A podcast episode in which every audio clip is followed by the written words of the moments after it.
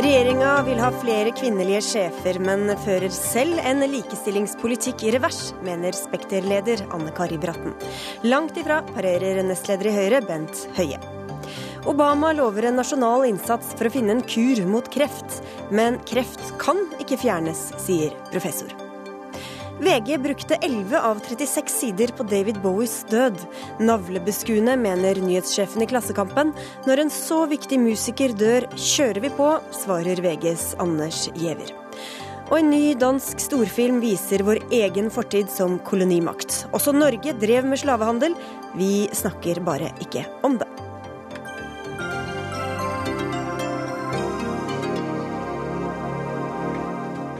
Og det er noen av sakene i dagens Dagsnytt 18 på NRK P2 og NRK2. I studio denne onsdagen, Sigrid Solund. Mens regjeringa ønsker seg flere kvinner inn i ledende stillinger, fører de selv en likestillingspolitikk som tar oss bakover i tid. Det kan vi lese i Dagens Næringsliv i dag, etter at helseminister Bent Høie nå nylig tok til orde for å få minst 60% kvinner i ledende stillinger i sykehusene. Og det er din mening jeg refererer til, Anne Kari Bratten. Du er eh, administrerende direktør i Spekter, som er eh, arbeidsgiverorganisasjon bl.a. for sykehusene. Høie var det siste eksempelet. Hvordan stemmer ønsket hans og resten av regjeringa med den eh, likestillingspolitikken de ellers fører? Jeg er helt enig med Bent Høie at det er viktig å få fram flere kvinnelige toppledere også i helsesektoren. Støtter det varmt. Jeg er bare redd for at denne type utspill og bestillinger skal føre til at kvinner igjen må tåle sånne uuttalte vurderinger om de er kvalifisert eller om de er kvotert. I tillegg så mener jeg at eh, regjeringens likestillingspolitikk med fordel kunne vært endret for å sikre eh, bedre muligheter for kvinner, for kvinner til å ta toppledelse. Hva er det de har gjort som gjør det mindre sannsynlig at det skal komme flere kvinner inn ja, stikk, i topplederstillinger? Stikk, stikk, i strid med et råd fra en samlet eh, arbeidslivsside i Norge, altså både arbeidsgivere og arbeidstakere, så reduserte regjeringen fedrekvoten fra 14 til 10 uker. Og nå har de første tallene kommet på hvordan det har gått, og det viser at fedrene tar mindre pappapermisjon enn før. Og poenget med det Problemet med det er at jo lenger en kvinne er hjemme i svangerskapspermisjon, jo mindre er sannsynligheten for at hun kommer tilbake i full stilling, og jo mindre er sannsynligheten for at hun får kompetanseutvikling, karriereutvikling og kan ta toppledelse. Og Du nevner også flere andre punkter hvor regjeringen ja, Jeg mener jo at regjeringen burde ha fjernet skatteklasse 2, fjernet kontantstøtten, sørget for flere barnehageopptak i året. Mm. Det er flere ting her, Bent Høie. Du er jo helseminister, men også nestleder i Høyre. Dere snakker mye, men legger opp til det motsatte, kan det virke som? Hva sier du til det? Nei, Det er jeg helt uenig i. For det første så var jo mitt utgangspunkt at eh, jeg er ansvarlig for en sektor der vi har eh, nærmere 80% som er kvinner. Det er sannsynligvis den samfunnssektoren i Norge med flest kvinner med høyere utdanning. Samtidig så har vi bare 40 eh, kvinnelige toppledere i, i, den statlige delen av helse, helsetjenesten. Og det mener jeg er for dårlig. Og det tyder på at en ikke er flink nok til å utvikle kvinnelige toppledere. Fordi når jeg er ute og reiser og besøker sykehusene, så møter jeg veldig mange kvinnelige ledere. Det er de kvinnelige lederne som sitter og har det praktiske ansvaret. De som ringer rundt, de som får vaktlistene til å gå opp. Men med en gang jeg møter toppledelsen, eh, så møter jeg menn. Men Det var situasjonsbeskrivelsen, men så er det disse punktene Nei, som Bratten det, og derfor, så Når jeg ser den situasjonen, så er det mitt ansvar å gjøre noe med det. Ja, Da og mener hun at dere fører i feil retning. Og Derfor så sier jeg nå at det vil være et topplederansvar i helsetjenesten å utvikle eh, flere led, kvinnelige toppledere. Ikke bare for helsesektoren, men òg at helsesektoren faktisk kan være bidragsyter til at vi får flere toppledere i andre sektorer i Norge. Så det er deres ansvar da, Bratten, og ikke Høies? Ja, nå er det virkelig mitt inntrykk at styrene i helseforetakene og ledelsen ved sykehusene jobber veldig systematisk med å få fram kvinnelige toppledere. I dag har Bent Høie og jeg vært på Spekter sykehuskonferanse. Der sto den tidligere sjefen på Helse Bergen, Sten i Kvinsland, som har vært leder i sykehus i 30 år, og viste fram sitt organisasjonskart med masse kvinner på nivå 2. Og han fortalte ja, også hvordan man ja, nivå to. Nivå to. Og så er, er, er det sånn, Bent Høie, at hver gang det er en ledig sykehusdirektørstilling i Norge, så ringer de til meg og spør har du noen forslag til noen damer. Så mitt inntrykk er at de jobber veldig systematisk med det. Og jeg er helt enig med Høie at det er talentjobb, eh, det er tilrettelegging. Mitt, mitt, krav er at de ikke skal ringe til deg og be om en eh, direktørkandidat når de står uten direktør, men at de skal ha en bevisst holdning til at når de selv er direktører, så skal de tenke på at det styret skal ha muligheten til å velge mellom interne kandidater som er kvalifisert, både menn og kvinner. Men tror du ikke at den politikken dere fører og de strukturene som dere og resten av samfunnet legger opp til, da kan uh, ha noe å si for hvor mange kvinner som kommer opp til å være potensielle men, søkere til en sånn type stilling? Vi har lagt fram en uh, likestillingsmelding som er offensiv òg på bredden av likestillingsspørsmålet. F.eks. utfordringen vi har med å få flere kvinner inn i arbeidslivet, som i dag ikke kommer inn i arbeidslivet. Det er en av grunnene til at vi har innført rabatter for de som tjener dårlig i barnehage, som ikke benytter seg godt nok av barnehage. Det at vi har sett de nye likestillingsspørsmålene som handler om vold og overgrep mot kvinner. At vi setter inn systematiske tiltak med det, og ikke minst tar fatt i utfordringen knytta til at eh, kvinner med innvandrerbakgrunn i altfor liten grad i dag får muligheten til å delta i arbeids- og samfunnsliv. Så vi har en offensiv likestillingspolitikk både på bredden, den nye likestillingspolitikken, men òg på dette som handler om at vi i framtiden må se at vi i Norge faktisk ikke er så gode som vi tror når det gjelder det å ha kvinnelige toppledere. Men de punktene du nevner, det kan jo kanskje ha mye å si for hvilke kvinner som kommer inn i arbeidslivet. Hvordan vet du at det også kan få noe å si praktisk for hvilke som kommer helt til topps? Jo, jo, for det må utvikles en kultur på alle arbeidsplasser. Og mot hos oss så er det like normalt for menn som for kvinner å både ivareta sin foreldrerolle og være ledere. Og da mener jeg at flere barneopptak i løpet av året, fjerne skatteklasse 2 og ikke minst å redusere, eller gå tilbake til den fedrekvoten som var tidligere, vil føre til at flere kan jobbe heltid. Da får de mer mestring, mer kompetanse og kan ta toppledelse. Og så mener jo jeg en ting til, og det er jo at vi damene må jo ta oss litt sammen, vi òg. Det er et lag som vi er enige om under de administrerende direktørene i sykehusene av kvinner. Og jeg vet bestemt at toppledelsen prøver å få de til å ta på seg lederoppgaver, men det er for mange damer som for lenge sier at den jobben er for stor for meg. Men vi damer må ta oss sammen, altså. Og så må vi ta litt lederjobbene. Og det er jeg helt enig i, det sa jeg òg på konferansen din i dag, at eh, kvinner må av og til tørre å ta på seg en skjorte som er to nummer for stor. Det har jeg personlig erfaring i, at uh, av og til så må en gjøre det. Og så vokser en inn i rollen etter, etter, hvert. Og det er jeg helt enig i at der har vi òg et uh, individuelt ansvar. Men vi kan ikke bare spille på det individuelle ansvar, må òg faktisk være tydelig på at dette òg er topplederansvar. Og Da er vi tilbake til strukturen også, ja. ikke bare, bare, topplederansvaret. Men det er jo som Bratten sier, ikke bare Spekter, det er NHO, LO, eh, Finans Norge osv. som sier at det med fedrekvota var feil. Det, er, det, det, har noe å si for, for likestillingen i, i Jeg er helt klar over at de var uenige i, men vi må òg være klar hva er den endringen som vi har gjort. Det vi har gjort, er at vi har redusert den obligatoriske fedrekvoten med fire uker fortsatt er ti uker obligatorisk. Og de fire ukene de kan foreldrene sjøl ja, det er vi klar over, Men tror du ikke at det har noen effekt på hvem, som, det, hvem som, tar, tar den permisjonen i, i, virkeligheten? Og Jeg er helt enig i at det som en òg må da ha, for det, dette er en spørsmål som må da diskuteres hjemme hos den enkelte, enkelte familie. Men i Norge så har vi fortsatt en stor fedrekvote, men mente eh, Men Tror du ikke det har noe å si for hvem som tar, tar, tar ja. permisjon, og, og, hva det ja, får å si? Det har vi fått dokumentert. Det har. Det, det, har vi ikke fått dokumentert. De tallene viser òg at det er en økning mm. i menn som tar lengre permisjonstid enn 14 uker. Så dette går begge veier. Den fasiten har vi ikke nå. Men, men vi er òg opptatt av at det faktisk finnes familier som ikke lever det A4-livet som en del av eh, de som eh, deltar i denne diskusjonen gjør, som ikke har de samme mulighetene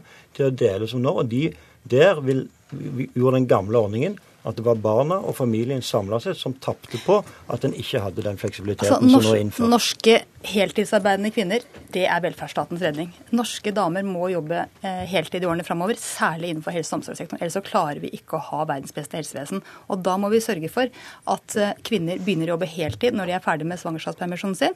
Og all forskning viser, også før regjeringen reduserte fedrekvoten, at jo lenger de er hjemme i svangerskapspermisjon, jo mindre er sannsynligheten for at de kommer tilbake. Så da setter du likestilling over valgfrihet? Jeg, for, meg er, for meg er ikke dette et spørsmål om valgfrihet. Altså, mitt ansvar er å sørge, peke på forhold i arbeidslivet som gjør at kvinner kan jobbe heltid. Og jeg mener at friske kvinner som har helse til det og har utdanning til det, de må jobbe heltid. Vi som er arbeidsgivere må være mye mer kjipe med å si ja til deltidsstillinger. Altså friske norske kvinner de kan ikke påregne lenger å få fri på tirsdag for å plukke blomster. De må jobbe heltid. Vi er helt enige om at vi får en heltidskultur. og Jeg er veldig glad for at du òg er så positiv til de initiativene regjeringen har tatt når det gjelder å endre arbeidsmiljølovgivningen. Der er vi i hvert fall enige. Der er vi i hvert fall Jeg er helt enig. Heltidsarbeidende kvinner er velferdsstatens redning. Dere vet å finne hvor det hvor enigheten kommer. Takk skal dere ha, begge to, eh, Anne Kari Bratten og Bent Høie. Dagsnytt 18 alle hverdager kl 18.00 på NRK P2 og NRK2.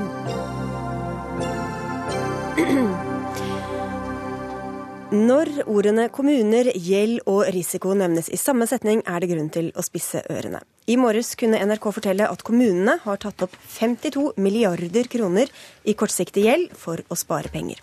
Problemet er bare at rentene på kort, kortsiktig gjeld kan stige fort, og da kan eh, kommunene og ikke minst innbyggerne være ille ute. Kjetil Storesletten, du er professor i samfunnsøkonomi ved Universitetet i Oslo. Og bare det siste året har denne kortsiktige gjelda i kommunene nesten eksplodert, med en vekst på 29 Hvorfor er det et problem? Det er et problem fordi eh, den kortsiktige gjelden, eller den sertifikatgjelden som eh, kommunene har tatt opp Kan ikke du bare først forklare hva sertifikatgjeld er? Ok. Kommunene tar eh, eh, vanligvis lån i Kommunalbanken, som er et vanlig lån. De, de, de kan, hvis de tar et eh, Hvis de gjør en, en mye kort, mer kortsiktig avtale, Tenk deg f.eks. En, en, en bedrift som har et, eh, har et, par måneder til de skal bruke pengene. Statoil har et eh, kasseoverskudd. Så låner de ut til eh, Gjør en avtale med en kommune om å låne de pengene i eh, to måneder. Et, et sånt kortsiktig lån vil være et sertifikat. Mm, og det er lave, lave rente på? Ja. Det er lave rente på fordi det ikke er, kommer inn under bankregulering. Og så var det der vi avbrøt deg, nemlig hvorfor dette er et problem når de tar opp for mye av den type gjeld. Når alt går greit, sånn som nå, så er det ingen problem for kommunene å rulle dette over. Eh, det går to måneder, det går tre måneder, det går kanskje åtte måneder. Så eh, tar de opp et nytt tilsvarende lån osv. Hvis det blir finanskrise, eller hvis, det, hvis, vi kommer inn i en situasjon der det blir der, der plutselig all risiko øker, da vil, da vil eh, de institusjonene som yter sånne lån, de vil bli plutselig mye mer påholdne. Og da, I en sånn situasjon så blir det plutselig vanskelig å, å rulle over den gjelda. Um, um, og da vil den lånekostnaden vil da kunne skyte i været.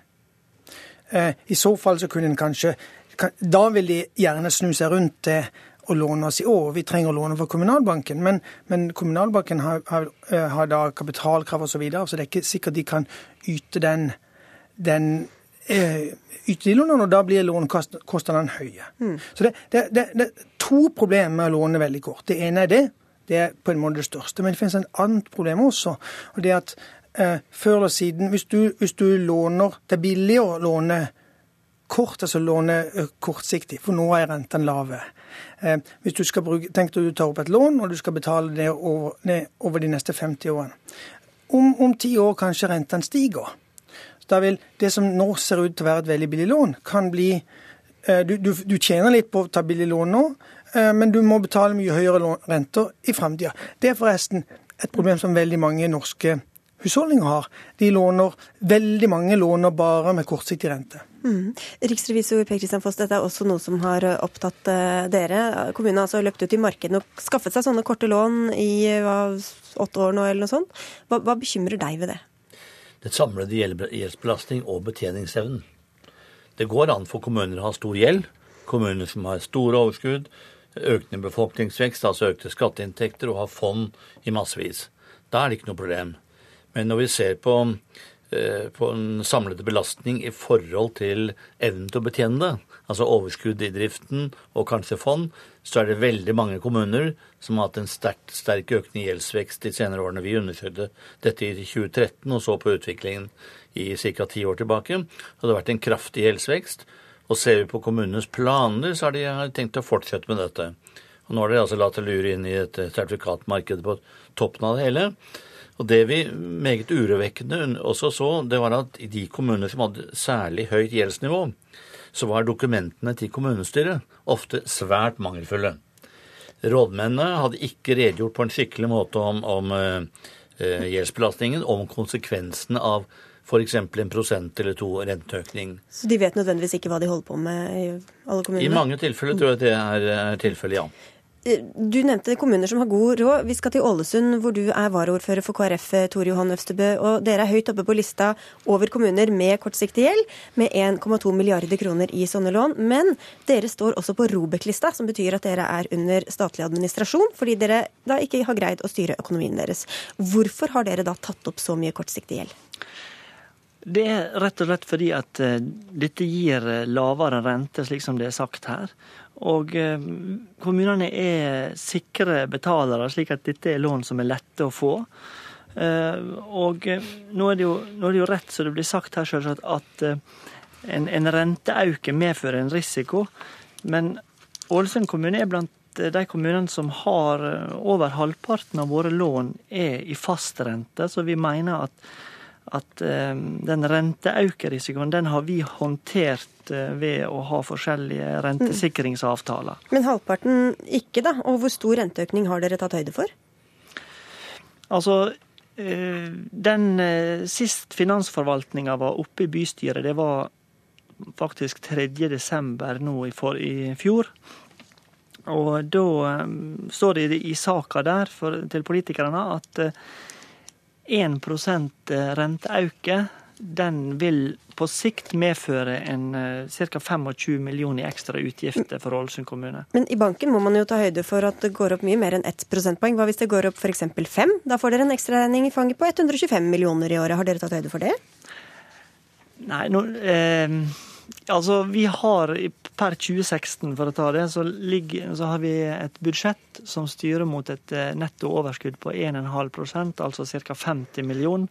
Så, så da har vi, hvis det skulle gå opp 5% så har vi bare halvparten av det i 2016. Men nå er det jo slik at disse langsiktige lånene våre de går ikke ut samtidig, alle sammen. Og de, de er skrudd sammen på en sånn måte at denne, denne belastninga pga. en eventuell renteøkning på 5% den kommer ikke momentant, eh, og det kommer ikke på samme året. Storseten, hva syns du om at en Robek kommune som Ålesund har tatt opp såpass mye i kortsiktige lån? Jeg syns det er dårlig.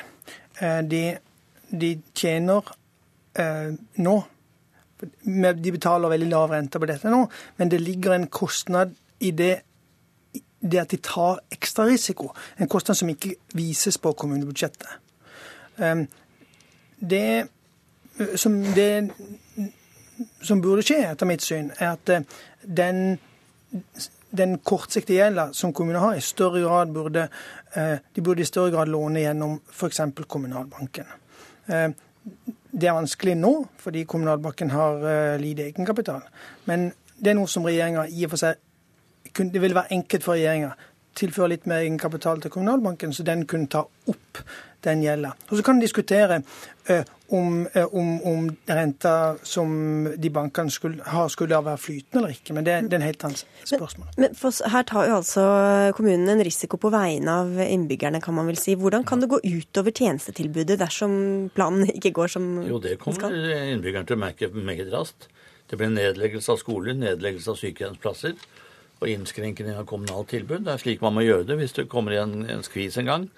Men eh, jeg synes det er bare rett, Du brukte begrepet Robek-listen, og at den kommer i en statlig administrasjon. Det høres så trygt ut. Men det er en litt, litt, en litt falsk eh, trygghet. For det eneste fylkesmannen da er satt til å kontrollere, er hvert nytt lån du tar opp. Altså han, mm. Fylkesmannen kontrollerer ikke hvilken evne du har til å betjene lånet. Så jeg mener eh, departementet burde skaffe seg langt sterkere virkemidler for å, styre, for å hindre, eller i hvert fall styre, Eh, kommunenes gjeldssituasjon. Så det burde ikke vært tillatt å holde på sånn som de gjør f.eks. i Ålesund? Det er jeg nok meget nær til å si eh, ja på.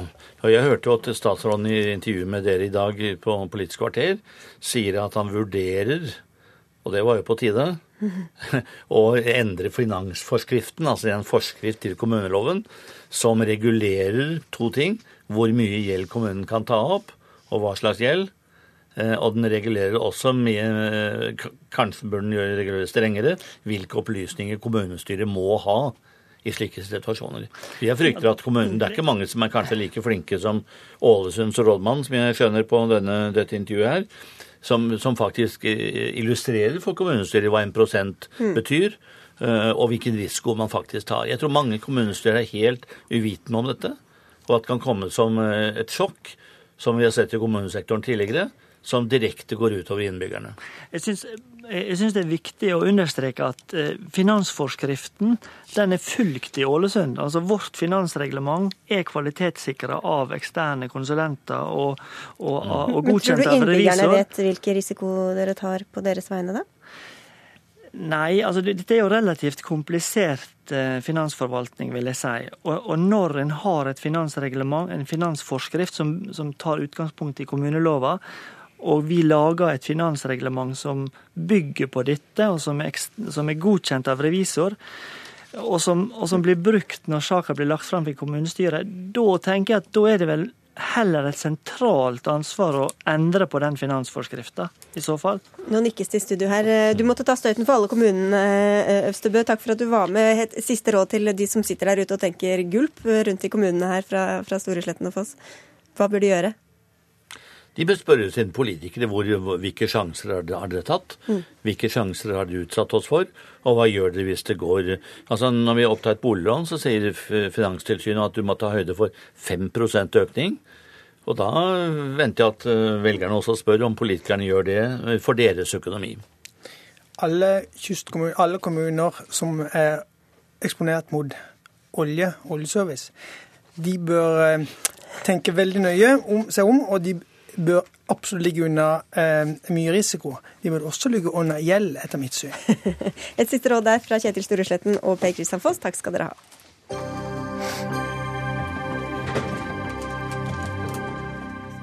Siden den 21. oktober har en nedslitt liten rød stue fra Østfold stått foran Stortinget. Det er kunstinstallasjonen House of Commons, signert kunstner Marianne Heske. Et kunstprosjekt basert på en real dash nostalgi og en god slump politikerforakt, skriver du i Dagens Næringsliv, politisk redaktør Kjetil Astheim. Hvis du begynner med det siste, du skriver at kunstverket er en form for politikerforakt i installasjonkunstformat. Hva mener du med det? Ja, altså, jeg har jo lurt på hva Jeg har sett dette gamle huset som er satt opp foran Stortinget, og, og det er jo en artig kontrast. Og så har jeg lurt litt på, på hva kunstneren har ment her. Eh, Hun, Marianne Heske har jo kalt dette House of Commons, og så har hun snakket om Hun har vist til, til Storbritannia. Der har de jo eh, House of Commons på den ene siden og House of Lords på den andre siden. Eh, Og det blir jo en, en litt underlig, underlig å flytte det over eh, og sette det opp som en kontrast mot Stortinget. Eh, Fordi eh, vårt House of Commons er jo Stortinget. Eh, Stortingsbygningen har 150-årsjubileum i år. og det dette prosjektet er jo knyttet litt opp mot det. Eh, og det er jo det Stortinget symboliserer og er, er jo rommet for folkestyret vårt. De som er der inne, er våre folkevalgte representanter. Så eh, jeg syns den delen av, eh, av eh, begrunnelsen eller forklaringen på dette prosjektet ble eh, litt merkelig. Vi får høre med deg selv, kunstner Marianne Heske. Er det et spark til politikerne? Det er ikke spark til noen ting, og, og kunst skal jo heller ikke forklare seg i hjel. Så er jo bare den lille røde stuegården inne ved grinden som jeg flytta til eh, Stortinget, og satt i en ny kontekst. For vi kunstnere må sette ting i ny kontekst, siden ingen andre gjør det. Andre Men, men hvorfor har dere da gitt det tittelen House of Commons, hvis ikke var det også bare ren tilfeldighet, eller mente du Det ingen tilfeldighet her i gården. eh, House of Commons betyr jo hus for vanlige folk. Ikke sant? På norsk oversatt. Eller hus for allmuen vil det bli på norsk, kanskje. Og eh, det huset her har jo stått i Østfold og vært et helt vanlig hus. Jeg overhørte en samtale der nede. Det har vært masse folk der, og alle diskuterer. og Det er jo tydeligvis at det er dekker debatt. Det er derfor vi sitter her i dag. Og så hører jeg hun, dette ekteparet, så sier, eh, sier hun til sin mann eh, Men dette her har jo vært et vanlig hus. Sier hun, og så sier han Ja, men det er jo vanlig nå, er ikke det det? Altså, så, hva er vanlig? For hvem, hvor og når? Altså, vi kunstnere stiller på en måte tankene åpne for andre til å tolke det.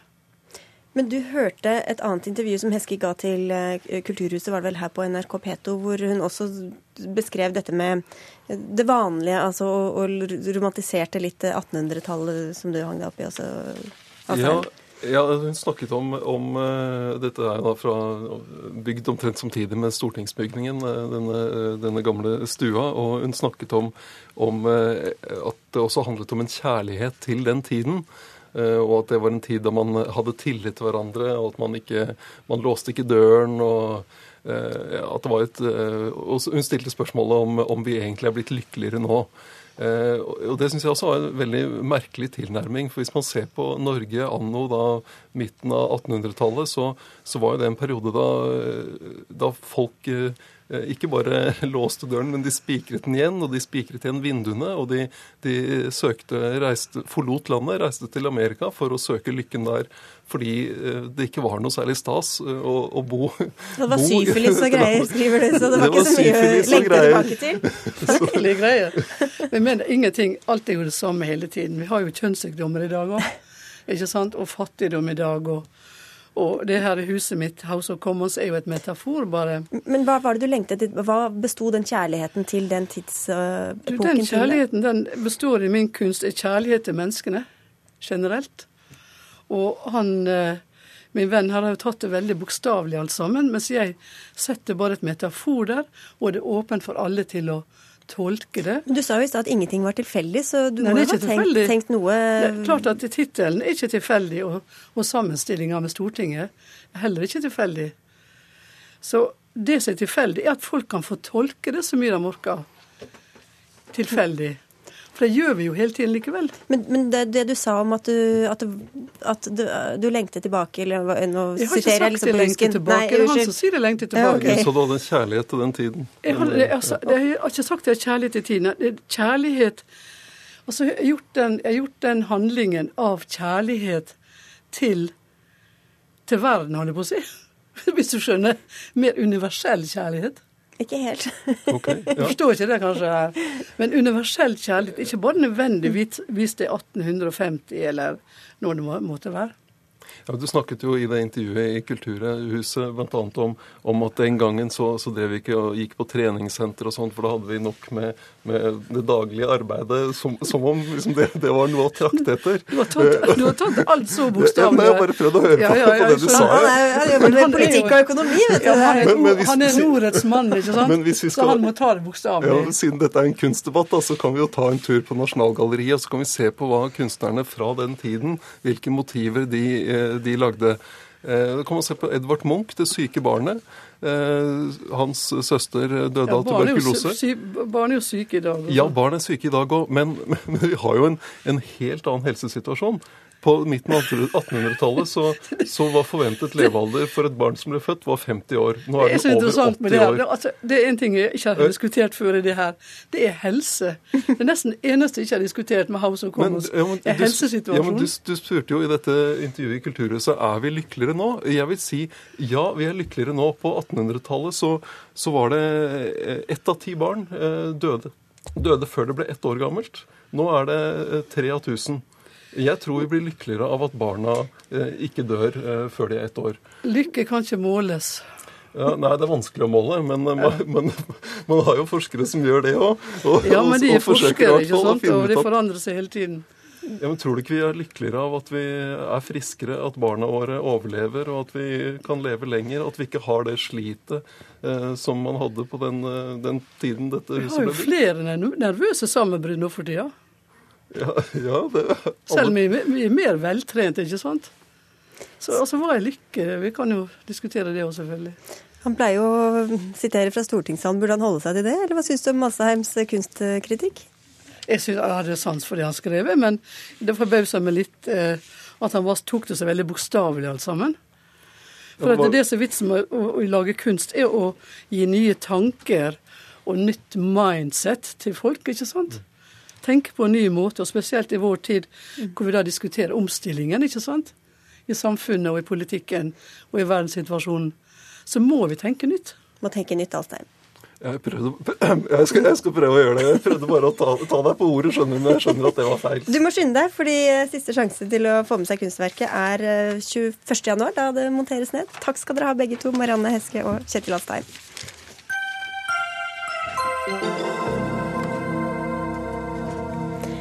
I natt holdt USAs president Barack Obama sin siste State of the Union-tale. og Der lovte han en nasjonal innsats for å finne en kur mot kreft.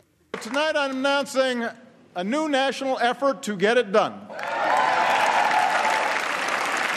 the loved ones we've all lost, for the families that we can still save, let's make America the country that cures cancer once and for all. What do you say, John? Make it happen. Ja, La USA bli landet som kurerer kreft en gang for alle, sa Obama, som har bedt visepresident Joe Biden lede arbeidet. Sønnen hans døde av hjernekreft i fjor. Jarle Breivik, du er professor ved Institutt for medisinske basalfag ved Universitetet i Oslo. Velkommen. Hva tenkte du da du hørte at Obama sa at USA skal bli landet som kurerer kreft en gang for alle? Nei, nå har jo jeg stor sans for Obama, så jeg har jo mest lyst til å si 'yes, we can'. Men eh, jeg tror at det her er det viktig å nyansere eh, forståelsen som eh, ligger bak. Det som er interessant, er jo at den talen som kom i natt, det som ble sagt om kreft nå i natt, var jo en blåkopi av det Nixon sa i sin State of the Union-tale i 71. Han også eh, trakk linjer til månelanding og osv. Så, videre. så står vi der i dag, 45 år etterpå, og vi har mer kreft, og det er flere som dør av kreft enn noensinne. Mm. Så kan man da spørre seg har moderne medisin slått fallitt. Eh, kreftforskning feilslått? Eh, poenget er tvert imot. Vi lever i dag i gjennomsnitt ti år lenger enn vi gjorde på 70-tallet. Og kreft er en del av aldringsprosessen. Så vi har dette her paradokset som er at det, jo flinkere vi blir til å behandle kreft, jo lenger lever vi, og jo mer kreft mm. blir det i befolkninga. Og det er jo da en veldig logisk sammenheng, men han er fryktelig vanskelig å forholde seg til. Mm. Du skriver om dette i tidsskrift for Den uh, norske legeforeningen, nemlig nettopp det at det er, kreft er ikke et problem vi er i ferd med å, å, løse, men noe vi er i ferd med å skape. Altså Jo mer kreft vi eh, helbred, eller kurerer, desto mer kreft får vi. Ja. Uh, og det henger jo da sammen med at kreft handler om aldringsprosessen. Kreft er en del av det, den prosessen det er å eldes. Sånn at det, Eh, de, vi kan akselerere kreftutvikling ved å røyke og ved å spise usunn mat og ved å få virus i kroppen og den typen ting. Men den viktigste årsaken til kreft er høy alder. Mm.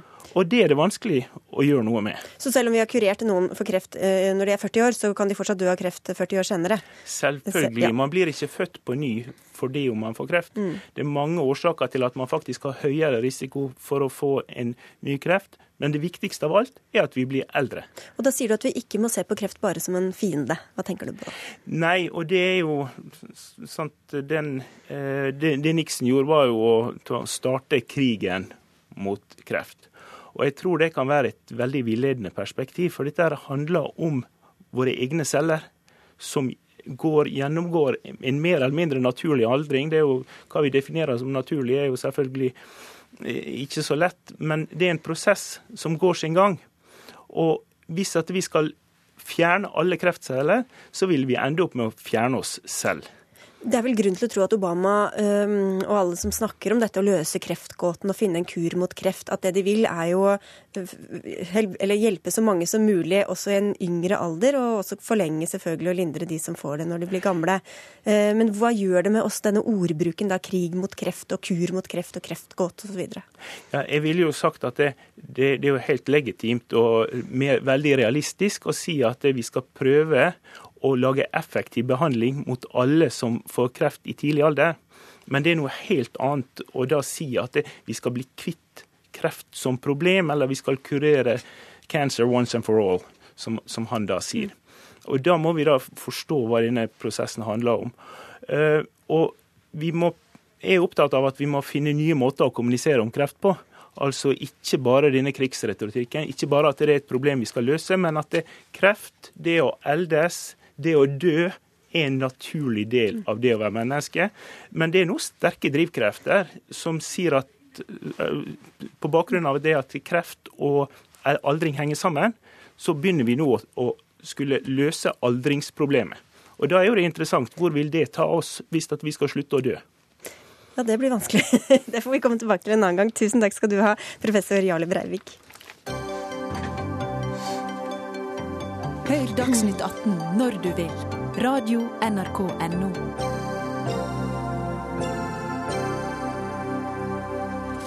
I NRKs serie 'Villmarkas vokter' i går fikk vi se et av de mest kontroversielle oppdragene i norsk naturforvaltning. For midt i yngletiden, når annet vilt er fredet, graver jegere fra Statens naturoppsyn seg inn i jervehi for å gi både mor og unger et nakkeskudd. Praksisen kalles hiuttak og er et virkemiddel for å holde jervebestanden nede. Daglig leder i Folkeaksjonen for ny rovdyrpolitikk, Åsmund Nystad, hvorfor er det nødvendig å ta disse jervevalpene i hiet?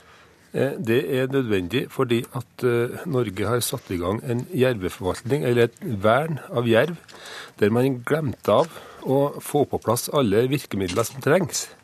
Eh, man var veldig redd for at jerven skulle Eh, forsvinne. Vi har hele tida sagt at jerven har ikke noe problem med å yngle. Problemet kommer til å bli å få en forvaltning som kan håndtere det. Det har de ikke fått tak i. Nå er det altfor mye jerv.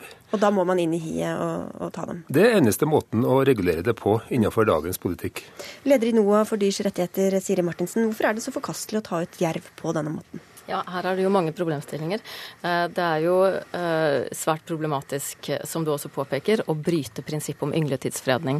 Dette at dyr skal være i fred i den mest sårbare perioden eh, i året, når mor har unger, og ungene som da ikke kan forsvare seg, skal få lov til å være i fred. Det er svært stressende for moren, og selvfølgelig også veldig skremmende for ungene i den perioden, når man da graver seg inn og får tak i de, og mor er borte. Og man så jo at i dette tilfellet da, som dere viste, så sirklet hun rundt. Og det er en svært stressende situasjon for det dyret. Uh, og så er det jo det her med at vi har jo ikke svært mange Men, jerv i Norge. Hvis vi kommer tilbake til det, bare. Det kan vi gjerne. Ja, for, for det, dette med at, man, uh, at, de er sårbare osv. Altså, uh, at de skal kunne forsvare seg, er det liksom et viktig prinsipp når man skal drepe dyr, eller? Det er jo en del sånn tradisjon i eh, viltforvaltningens etiske prinsipper. Og eh, eh, det er kanskje ikke så mye at de skal kunne forsvare seg. Det er jo gamle prinsipper, dette her. At man har en viss liksom, jaktetikk. Da.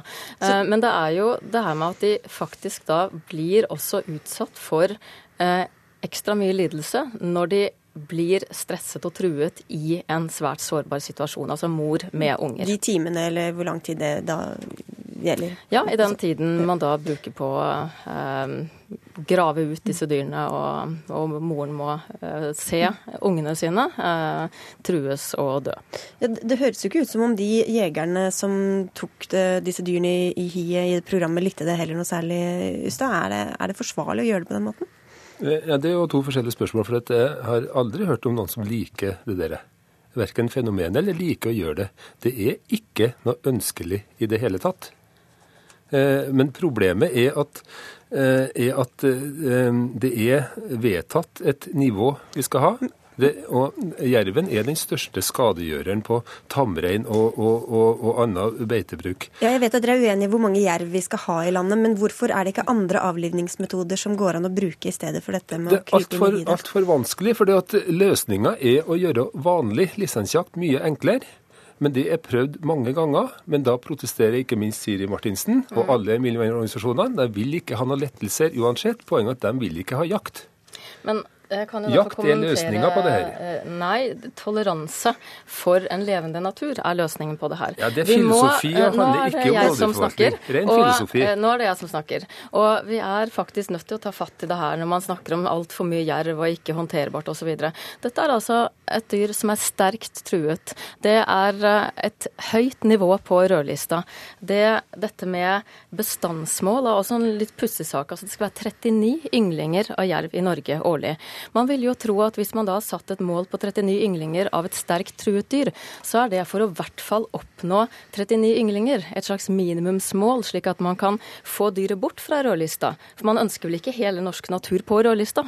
Men eh, slik det behandles politisk, så er det et maksimumsnivå. Så når man da har 40 ynglinger, så skal man ut og ta livet av det, eh, de dyrene. Dette er altså en eh, naturtoleranse som er så lav at det er en helt absurd forvaltning. Og så er det jo det at det er, som du sier, eh, andre jaktformer. Man kan eh, slippe hund etter jerv. Ja, Man kan fange den i eh, Jo, det Nei, er lov. Det, det har dere protestert mot, og det er ikke lov. Man kan Det ikke slippe hund etter ulv og bjørn, heldigvis, men det er altså fortsatt dessverre lov å slippe hund på jerv. Du vil ikke det heller, men du vil det heller enn eh, hiuttak? Nei, altså vi vil ikke det heller. Det er også uetisk. Nå har det blitt lov å bruke kunstig lys om natta, så man kan altså eh, jage jerv om Ja, natta. det- det var du og det imot. er, er vi også imot, Ja, fordi imot det Så- så hva- påpeker departementet Men- men at Hvis du er imot alle alternativene, hvis du er imot alle alternativene, hva skal man gjøre da? Bare la alt yngle, Ja, og så Alt få mange flere ikke? Der er vi på en måte igjen, Eller- og ikke innser at vi eh, snakker om en sterkt truet art Mm. som ikke trenger en detaljkontroll på det nivået. Vi må heller, for å unngå disse skadene på sau og rein, så handler det om andre forebyggende tiltak. Vi var begge Mm. i Stortinget på rovdyrseminar nylig, og der ble det faktisk slått fast at det beste forebyggende tiltaket er faktisk å beskytte dyra. Ja, beskytte dyrene, beskytte dyrene i stedet for å drepe all jerven. Vi har, dobbelt, vi har nesten dobbelt så mye jerv som, vi, som Stortinget har vedtatt. Det har vi hatt snart i ti år. Poenget er at eh, det her må du ta opp med stortingsrepresentanter som har vedtatt det der, det og ikke plage av skikkelige folk med sånt tullsnakk. Hvem er skikkelige folk i denne Ja, det er beitebrukere Ja, da håper beitebrukere jeg da som endelig at vi sliter er dagen. begge to skikkelige folk. Ja, Ok, nå må, vi har veldig kort tid igjen, nå må Ystad få, få avslutte her. Beitebrukere og sauebønder som står midt oppi det her. Stortinget har sagt at vi skal ha så og så mye jerv. Vi har nesten dobbelt så mye. eh, Og det blir gjort ekstraordinære tiltak. Det her kan kun løses med, med å få færre jerv. Nei, få det kan færre til å kun løses ved å ta hensyn til både de dyrene som er tamme og de dyrene som er ville, ved Ja, du, reelle forebyggende, et- et enstemmig storting er imot det du sier. Et okay. enstemmig storting er for at vi skal ha rovdyr i norsk Da kan vi konkludere med det, at uh, du får fortsette å plage politikerne, Siri Martinsen, som foreløpig er på Åsmund. Ystads eh, side. Takk skal dere ha, Takk skal begge to. Hør Dagsnytt 18 når du vil. Radio NRK.no. Finnes det noen mer navlebeskuende gruppe i verden enn musikkinteresserte 40- og 50-åringer som skriver i avis, spør Mimir Kristiansson retorisk på Facebook, og viser til at VG brukte ikke mindre enn 11 av sine 36 sider på David Bowie dagen etter at det ble kjent at han var død. Nyhetssjef i Klassekampen Mimir Kristiansson, hva var galt med VGs dekning av dette? Nei, Det er tre ting. Eh, Det første er kvantiteten. At eh, David Bowie dør er selvfølgelig en stor begivenhet. Det skjedde også på en veldig spektakulær måte. Så å sette av en forside, bruke en god del plass på det Seks sider, sju Seks sider, hvor mange det hva som helst. Men Elleve er for 11 av 36 sider, det er ganske stor kvantitet, syns jeg, da. Det er det ene. Og så er det kvaliteten, og Der er det to ting som jeg har hengt meg opp i. og Det ene er selvfølgelig dette med alderssnittet på de som de siste dagene har delt villig vekk av eh, sine møter med David Bowie. eh, både på sosiale medier og i tradisjonelle medier. Og det er et sjikt med sånne ganske gubbete musikkjournalister som vi gjever her. Peker mot sidemannen peker til alle som sidemannen. hører på radio. Jeg er godt over 50 år, så jeg føler meg overhodet ikke truffet av den kritikken i det hele tatt. Du holder deg veldig godt. Og, og der er det en veldig sånn Man får denne døden til Bowie til å handle om seg sjøl. Sånn, mitt første møte, min første plate, min greie. da. Og det tredje er patosen som har vært inni her, som har vært helt ekstrem. Noen av de tingene som har stått på trykk. Kan ta Gjævers kollega Sjøli i VG. Han skriver at i en tid eh, der eh, vi trues av islamistisk mørke og reaksjonær nasjonalisme, så trenger vi en stemme som David Bowie. og All ære til David Bowie, en stor og flott artist, men han løser ikke Europas problemer, verken i livet eller død. Ok, eh, Anders Hever, du er kommentator i VG. For å ta kvantiteten først, da. Eh, Kvantiteten? Ja. ja. Var det Eh, nok? Ja, nei, jeg syns at eh, elleve sider ikke er spesielt mye. Heller litt lite. Hadde vært opp til meg, kunne vi godt laget et eget David Bowie-bilag eh, den dagen. Men ikke sant, dette vil jo være avhengig av hvor, hvor interessert du er. Klassekampen, Jeg har lørdagsabonnent på Klassekampen. De har et eget sånn litterat akademisk litteraturbilag hver lørdag. Hvis du syns at akademisk litteraturkritikk er topp her i livet, så er det sikkert bra. Kanskje du ønsker deg enda mer. ønsker at det var mer. Hvis du som meg er sånn passe interessert i akademisk eh, litteraturkritikk, så syns du det er litt i overkant. Og hvis du ikke er interessert, så er de sidene verdiløse for deg. Så for en gammel mann som uh, Mimir, så blir en sånn popartistdekning veldig uh, Hvis du, hvis du tar tak i det ja. uh, Og så var det til dette med liksom alle som At det handlet vel så mye om journalistene selv Ja. som om David Bowie. Ja, men det er helt riktig. Men det handler jo ikke bare om journalistene. Altså, grunnen til at vi bruker så mye plass, eh, og grunnen til at, at denne begivenheten er så stor, det er at en kunstner som David Bowie han har berørt de aller, aller fleste av oss gjennom mer enn 50 år. Eh, alle vet, altså, Noe av denne kritikken til, til Mimmer er så, er så reaksjonær at det grenser inn på det presenile. Men eh, det går liksom på sånn at VG har for store bilder og overskrifter og bruker for mye plass på kjendiser og sånn. Den debatten må vi legge litt til side for. Ja, det gjør vi. Den ikke sant? har jeg aldri deltatt i. ja, men det er altså. det som liksom ligger det der i litt sånn uh, nei, det jo, mener jo, det jeg der ikke. Nei, jeg mener ikke. fordomsfulle Jeg mener dere har Ok, til- skrevet for til- mye. til det Men liksom grunnen til at vi da bruker plass, er at um, eh, når du da i 50 år eh, Altså, vi bruker plass på kjendiser, og når en musiker som har berørt oss da eh, i de mest intime øyeblikkene i vårt liv. Eh, fra vi var ganske små. Jeg var altså 11 år da Sigurd Stardust kom. Eh, datteren min på 24 eh, hører på Bowie. Det er eh, eh, alle er berørt av dette, og alle, han har soundtracket til vårt liv. Og derfor bruker vi våre personlige erfaringer. kan vi diskutere hvor gode vi er til å skrive, hvor gode vi er til å få fram det. Men det er derfor det berører, og det er derfor det er så veldig mange ønsker å lese om det, som vi har jo nå ganske klare, eh, klare tall på. Og, derfor, og fordi du har eh, den nye dynamikken du har fått i sosiale medier, med at vi deler alle disse tingene, så er det et døgn der hvor alle bare fråtser i den sorgen. Altså For det første så eh, må jeg bare oppklare noen misforståelser. Jeg er interessert i David Bowie. Jeg er en David Bowie-fan. Eh, Og jeg, eh, når David Bowie døde, så gjorde jeg som jeg tror mange andre gjorde. Jeg gikk inn på Spotify og hørte på David Bowie. Hans nye album og hans gamle album. Men jeg jeg følte vel ikke et enormt behov for å si til alle som jobber i min avis, nå må dere slippe alt dere har i hendene. I morgen skal en tredjedel av avisa handle om David Bowie. Men dropp det med kvantiteten. Ta tak i Og mer så av det kommer, hvis vi med kommer til kvaliteten, så har jeg ingen problemer med at VG skriver om kjendiser. Det syns jeg er flott, og jeg er helt enig i at Klassekampen har et eh, litteraturmagasin og en dekning som har en annen nedslagsfelt enn VG, så det er bare bra med den variasjonen. Men så kommer vi altså inn i denne patosverden der det rett og slett virkelig tar helt av. Og jeg vil bare ta en, tak i en av de patostingene, for jeg syns det er et interessant nytt fenomen med de nye emosjonelle mediene som har kommet nå. Det er blitt veldig mye sentimentalitet, syns jeg, i mediene. Du mener at det er nytt at vi er emosjonelle i tabloidjournalistikken? Nei, jeg mener at det tar veldig av nå, men nå skal du høre på eksempelet mitt. Fordi at VG hadde jo for bare et par år siden en debatt mellom sine egne fire kommentatorer om hvilken artist som var størst, og det var annet Giæver, det var Sjøli og et par andre, og de diskuterte dette fram og tilbake med enorm eh, patos da òg. Og da var jo David Bowie ikke nevnt av noen som den største artisten, mens nå er han den største, og det er det jeg merker grunnen til at jeg har liksom irritert meg over dette, er jo at jeg gruer meg til elleve sider David Bowie, så skal man måtte lese elleve sider av de samme gamle gubbene når Bruce Springsteen dør, når Jeff Buckley dør, når Neil Young dør, når Paul McCartney dør, Og, så osv. Og, så videre, og Og det er 35 det- sider er Bob Dylan til slutt. Det er frivillig å lese det. Uh, det er akkurat på samme måte som jeg, du er litt sånn Du gruer deg til Dylan skal dø, for det skal stå så mye om det i avisen. Det er det mest Det er absurde Jo, det var det du skrev. Nei, du er gruer deg til altså. Dylan dør fordi det skal stå så mye i avisen. La være å lese det, Mimmi. Men jeg er ja, ja, på en måte smigret, fordi Ja, ja. En av gangene var det Anders Giæver. du er, eh, jeg er på en måte smigret. Du sitter her og leser og husker liksom sånne små tulledebatter vi har hatt i VG for, for seks år siden, og er opptatt av hva vi Altså, det er på en måte smigrende å ha folk som er så dedikerte lesere, men, men det er også noe med den kritikken som er så Den er så øh, pre-internett.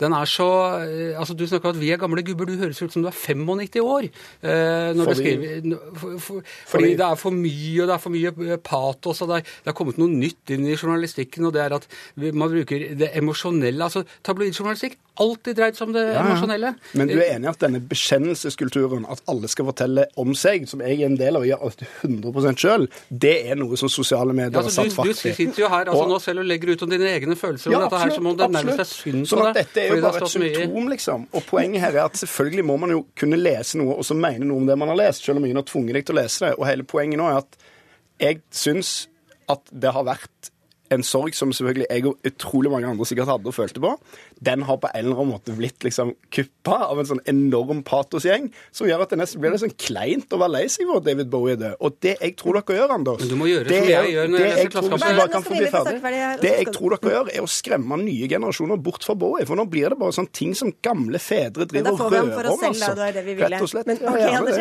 helt til slutt, da. Er det det dere gjør? Det er liksom blir Jeg møtte Bowie, og så ødelegger det litt for Eh, andre. Nei, jeg tror ikke vi gjør det, og det er ingenting i leserresponsen som, som tyder på det. Men jeg tror at, eh, at eh, Mimmer må lære seg å være mer bevisst leser, og ikke lese det som irriterer han. Jeg dropper å lese det i Klassekampen som, fra folk som jeg vet irriterer meg, som jeg vet bare ønsker å sette i gang metadebatter eller komme på Dagsnytt 18 og diskutere det, og det sparer meg for mye irritasjon. Mm, Bare ikke skru av Dagsnytt 18. Det var da, ikke noe dere. annet å lese i VG den dagen, dessverre.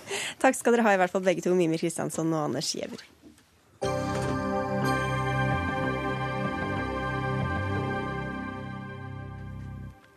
Vi har hørt og tatt avstand fra andre land som har drevet med slavehandel og kolonisering. Men vi har også selv en sånn fortid. Den nye danske storfilmen 'Gullkysten' handler om forholdet mellom slavene og kolonimakta, og kårene som slavene levde under. Tid 1836. Sted dansk Guinea, eller dagens Ghana. Jakob Oftebro, velkommen. Takk skal du ha. Det er du som spiller hovedrollen. Du er den unge botanikeren som ankommer dette stedet for å starte en eh, plantasje. Og så etter hvert får du et litt nytt syn på dette slaveholdet. Jeg får vel først gratulere med filmen. Takk skal du ha. Det... Hvor, hvor, hvor mye mistet du om denne delen av historien fra før? Nei, men det, det som er så interessant med denne filmen også, er at dette er noe som folk ikke vet så mye om, tror jeg. Jeg visste utrolig lite om det selv, jeg hadde hørt om det, men det er ikke noe vi lærer om i skolen heller, nødvendigvis. Og, det, og jeg mener at det er en del av historien vår som vi ikke nødvendigvis er så stolte av, men som er viktig. Mm. Eh, viktig å ta opp, og viktig å, å snakke om. Da. Vi kan jo komme tilbake til grunnene til det, men eh, i tidspunktet hvor filmen er satt, så er det i utgangspunktet forbudt å handle med slaver. Mm. Men etter hvert så viser det seg at at det skjer allikevel, at virkeligheten er litt annerledes. Ja, for det er kanskje den mørkeste delen av av historien og dansk historien er at de fortsatte å, handle med slaver selv om det var ulovlig i 50 år til. Og det, er, eh, og det er, selvfølgelig også en av grunnene til at, eh, at, at filmen er viktig og annerledes. For vi har sett det før, den klassiske slavehandelfilmen i 12 Years a Slave. Eller, dette er en mer eksistensiell film. altså Dette handler også mer om eh, å være altså Dette er også en tid hvor europeere ser på sin egen kultur som, som mye høyere enn den lokale. Det, det, gjør også at det er interessant i dag, på en måte, i den situasjonen verdensbildet vi har i dag. Mm. Um, og det er en film som, som vil ta for seg større emner også enn bare, enn bare den slavehandelen som man har sett før. Men også grunnene til man gjør det, hvorfor, hvorfor vi agerer som vi gjør, hvorfor vi deler opp landegrenser og kriger med hverandre om, om områder som egentlig burde vært der for alle. Mm. Da er vi tre stykker som har sett filmen. Det har jo ikke de som hører eller ser på. Men uh, Jarle Simensen, du er professor emeritus ved Universitetet i uh, Oslo, og du har sett filmen i dag. Hvor uh, god beskrivelsen er det, er det av virkeligheten som den var? Jeg syns den er fascinerende. Og det er veldig viktig at det blir satt fokus på dette, som er del av norsk og dansk historie. Og vi har gode, meget gode samarbeid med afrikanske historikere, ghanesiske, om disse temaene. Mm. Nei, den er overraskende på en måte fordi den er så reflekterende, rolig. Og forteller om eh, tanker, om ambisjoner. Det er en botaniker som viser fram Afrikas rikdommer. Mangfoldet, artsmangfoldet. Ja, ja, ja. Eh, det er eh, misjonærer i sympatiske roller som snakker om opplysning og framgang. Og det er utvikling. Det er altså faktisk en utviklingstematikk i filmen. Og dette er eh, noe som forklarer hvorfor slavehandel måtte ta slutt, og slaveriet. Hvor store kolonimakter og slavehandlere var de skandinaviske landene på det tidspunktet, og i årene før? Ja, ikke store, men eh, store nok. Eh, danskene hadde altså akra, Accra, festningen i Accra, og handlet derfra. Og danske og norske skip seilte, og de seilte ut ca. 100 000 slaver fra Gullkysten til Amerika. Det er, mange. Det, det, det er det offisielle tallet. Man mener jo, står det i hvert fall i Torkel Hansens bøker, at det mest sannsynlig har vært opptil 200 eller 300. Da. Eh, jeg tror nok vi skal stole mer på Per Hernes, som har telt, telt opp hvert eneste skip og kommet uh, opp mot, to, ja, mot 100 000. Nei, men uh, det der det er flott. Og tidsbildet er riktig. Altså slavehandelen er nå forbudt. Handelen. Men slaveriet er fortsatt tillatt. De har jo slavene sine.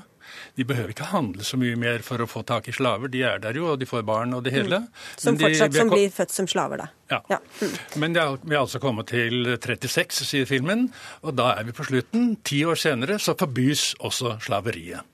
Oftebro, du spilte jo inn filmen i Ghana med afrikanske skuespillere, vil jeg tro, som da for et par hundre år siden ville forholdet mellom dere vært helt annerledes. Hvilke tanker gjorde du deg om det?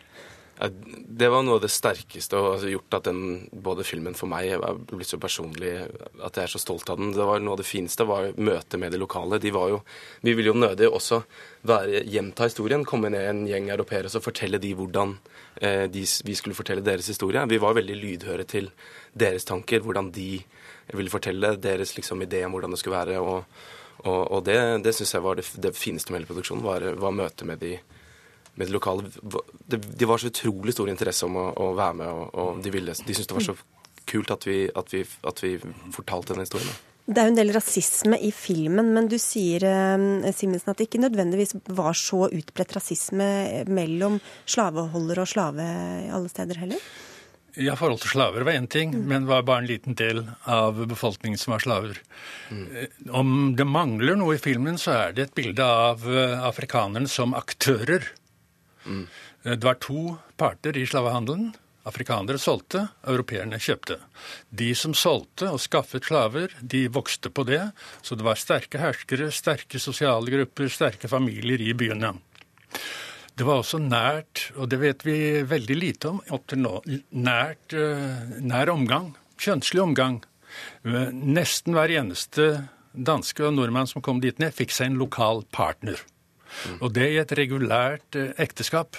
Kasare, som ble altså godkjent av guvernøren og velsignet av presten. Og dette stabiliserte forholdet. ikke sant? De fikk en til å stelle for seg. Det bedret helsen. Um, og de hadde det selv om de hadde en kone i København. Men ingen av dem tok med seg denne foreløpige ektefelle til København tilbake. Men det skapte en klasse, sier du, som, som ble med på å Akademikerklasse, eller i, Det skapte en Ghana klasse av blandet herkomst, altså mulatter, eh, som fikk en veldig viktig stilling eh, med fortrinn for utdannelse, som av dem i utlandet. De gjorde det godt som eh, handelsfolk, merchant princes, eh, før koloniperioden.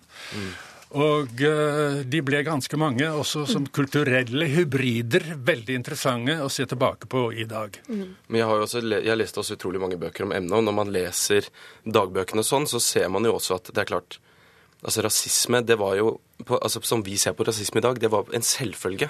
Eh, på, den, på en eller annen måte, fordi hvis du ser måten Altså man så på de man, Mange så man på de som en eiendel. Det var en del av Danmark. Og de var jo på en måte ikke mennesker på den måten. De, måten noen ganger de blir beskrevet, er jo, er jo også veldig eh, nedverdigende. Altså, som man aldri kunne tillate seg å, å, å skrive eller si i dag. Da. Så det- Nå snakker du om slaver. Ja, ja, ja, ja, ja, ja. Forhold til slaver. Ja, men også de lokale sånn, fascinasjonen av de, hvordan, hvordan de på en måte snakker om, om hvordan de lever og hvordan de er. Nei? Fire år senere kommer ny guvernør ned Karstensen. første han gjør, er å ta seg en lokal kvinne fra en ledende familie. Det er ikke rasisme. Nei, Det kommer senere. Ja, men det er noe annet i forhold, for det forholdet til eh, det har de.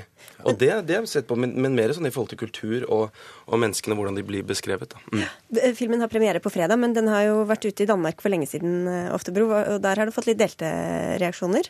Ja, og det, og det mener jeg at det er viktig med en sånn film som dette her. Og det er, er vi jo veldig stolte av, for det er kontroversielt. Og den er annerledes. Vi vil også at den skal være annerledes. Og da vil man jo nettopp Og vi har tatt et helt klart valg. Den, skal ses, den ses gjennom Wulf. Han, hans, reise, ja. Mm. hans reise gjennom Afrika. Så du ser ikke nødvendigvis Og det har noen, kan noen bli provosert at man liksom ikke ser mer av afrikaneren, men det er, det er også et, et helt bevisst valg.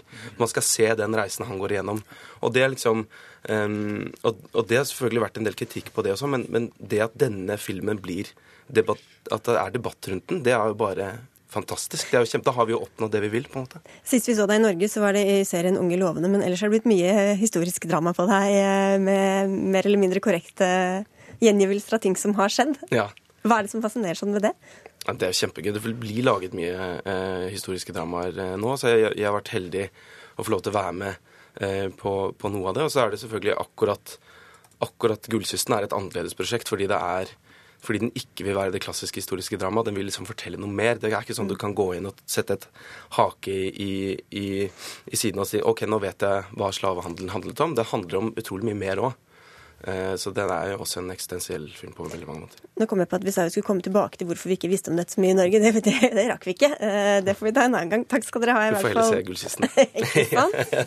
Jakob eh, Oftebro, takk skal du ha, og takk til deg, Jarle Simensen. Dagsnytt 18 er eh, over for i dag. Det var Ida Tune Øresland som hadde eh, ansvaret for innholdet. Stein Nybakk var eh, teknisk ansvarlig, og jeg heter Sigrid Solund.